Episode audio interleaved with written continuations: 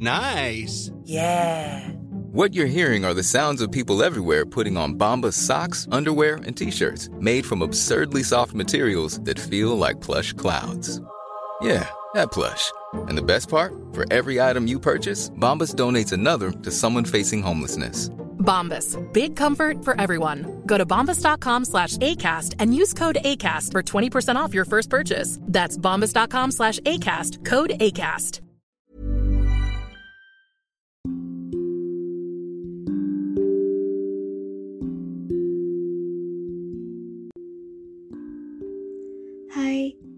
Kasih sudah mengunjungi dan hendak mendengarkan podcast Dongeng Tidur. Aku Iren Evita. Selama ini aku pakai aplikasi Anchor untuk buat dan publish seluruh episodeku. Kalian juga bisa loh download dan pakai Anchor untuk buat podcast karena 100% gratis dan bisa didistribusikan ke Spotify dan platform podcast lainnya.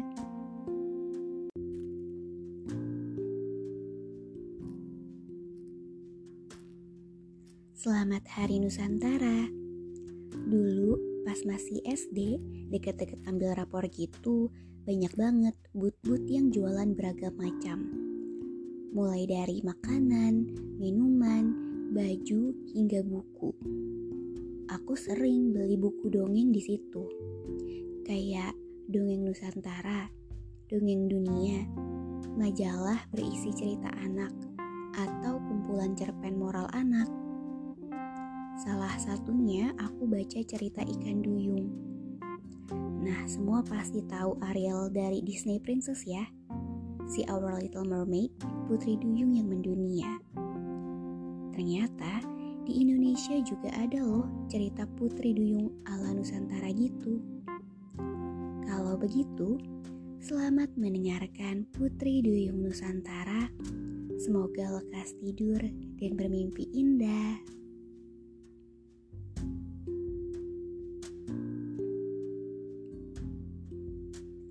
Di Sulawesi Tengah, terdapat sebuah keluarga yang sederhana, tinggal di dekat laut. Keluarga itu terdiri atas bapak, ibu, dan tiga anak yang masih kecil. Setiap pagi, keluarga itu memiliki kebiasaan untuk sarapan bersama. Selagi sarapan, mereka akan berbagi cerita. Selesai sarapan, sang ayah biasanya akan berangkat ke ladang untuk mulai bekerja. Sementara sang ibu berdiam di rumah mengurus pekerjaan rumah tangga dan merawat ketiga anaknya. Terkadang, di sela bekerja atau sepulangnya bekerja, sang ayah akan menyempatkan diri untuk pergi ke laut dan menangkap ikan. Kadang dapat, kadang tidak. Namun rasanya sangat enak dibandingkan terus-menerus makan ubi yang membuatnya bosan.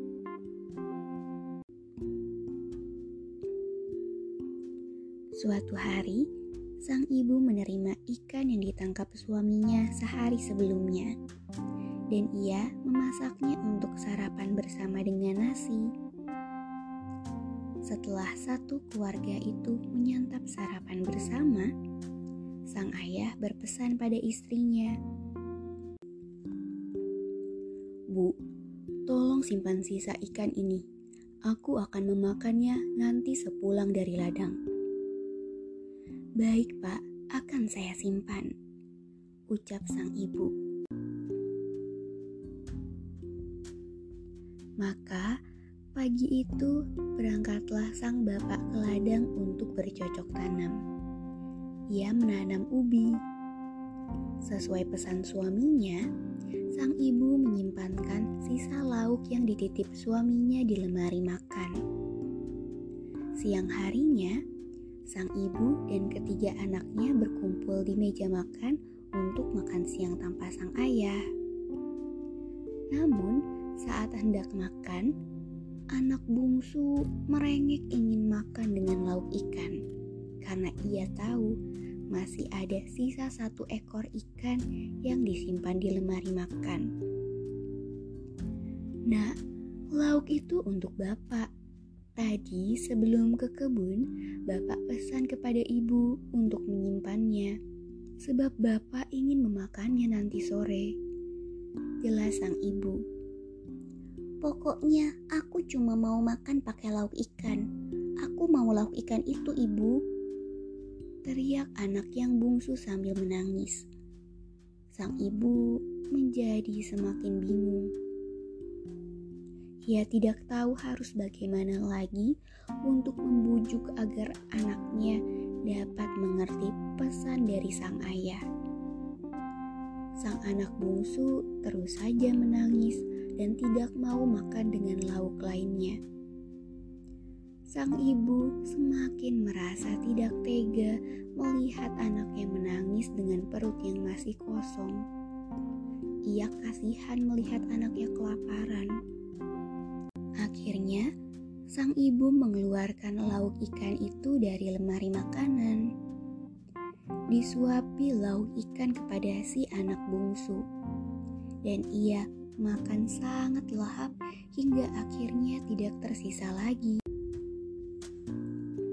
Apa boleh buat, aku akan menjelaskannya kepada suamiku nanti. Kuharap ia bisa mengerti. Ucap sang ibu dalam hati. Di sisi lain, hari telah menjadi sore. Sang ayah segera bergegas untuk pulang ke rumah.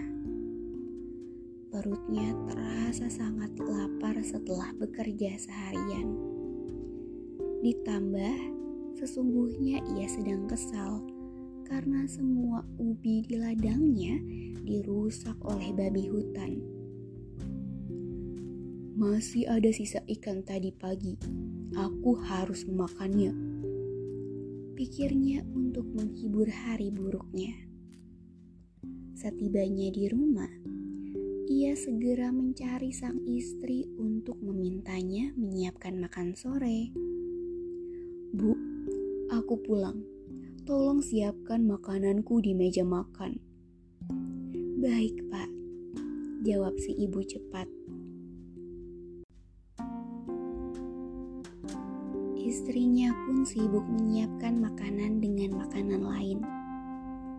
Ini, Pak, makanannya ucap sang istri sembari memberikan piring untuk suaminya dan makanan lain yang telah ia siapkan untuk mengganti ikan. Betapa terkejutnya sang suami karena yang ada di hadapannya hanyalah hidangan ubi rebus. Loh bu, ke mana ikan yang aku pesan tadi pagi? Tanya sang suami. Maaf pak, Tadi siang si bungsu merengek minta makan dengan lauk ikan. Ia tidak mau makan dengan lauk lainnya. Jawab sang istri. Tapi bukankah aku sudah pesan agar lauk itu disimpan karena aku ingin makan itu sore ini? Seharusnya kau menyimpannya dengan baik, jangan sampai ketahuan anak kita. Balas sang suami. Maaf pak, tapi aku kasihan dengan si bungsu jika ia kelaparan. Jadi kupikir apa boleh buat. Ku berilah dia dan ikan itu pun habis dimakannya. Ucap sang istri. Teganya kau melakukan ini pada suamimu. Aku bekerja keras seharian dan kau menghabiskan semua ikan yang kutangkap susah payah. Engkau Jangan pernah pulang ke rumah sebelum memperoleh ikan yang banyak sebagai ganti dari ikan yang sudah termakan tadi. Teriak sang suami tanpa belas kasihan. Sang ayah yang kala itu sangat lapar dan ladangnya terkena masalah, membuatnya tidak bisa menahan emosinya. Ia terus-menerus marah-marah menyalahkan istrinya tak henti. Malam pun tiba, tapi kemarahan sang ayah bukannya semakin mereda, malah semakin menjadi-jadi. Istrinya sangat bingung dan sedih menghadapi suaminya yang terus marah-marah dan yang terus mengusirnya ke laut.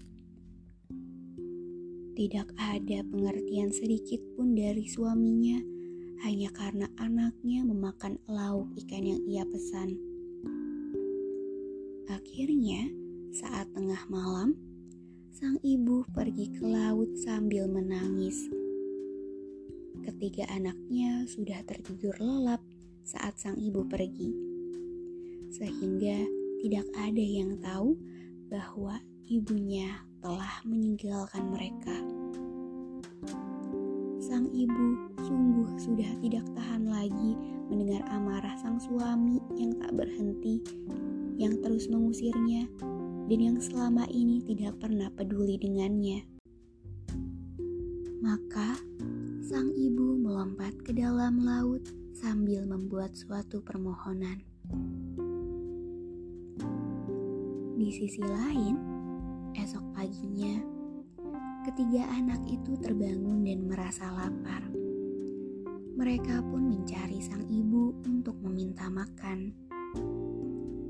Kali ini, tumben sang ibu tidak membangunkan mereka dan waktu sarapan sudah lewat beberapa jam yang lalu. Dicarinya ke seluruh ruangan, namun sang ibu tidak kunjung ditemukan. Mereka pun mencari ayah mereka bermaksud menanyakan keberadaan ibu mereka.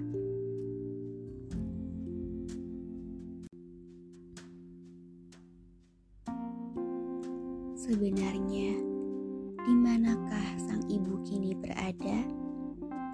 Mengapa ia menghilang tiba-tiba dan apa yang sebenarnya terjadi padanya? Apa isi permohonannya?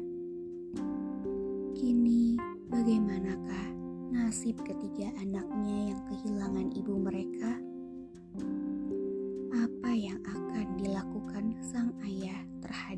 Istrinya yang menghilang.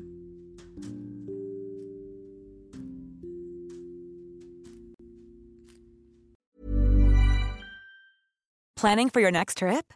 Elevate your travel style with Quince. Quince has all the jet setting essentials you'll want for your next getaway, like European linen, premium luggage options, buttery soft Italian leather bags, and so much more. And is all priced at 50 to 80% less than similar brands. Plus, Quince only works with factories that use safe and ethical manufacturing practices. Pack your bags with high-quality essentials you'll be wearing for vacations to come with Quince. Go to quince.com/pack for free shipping and 365-day returns.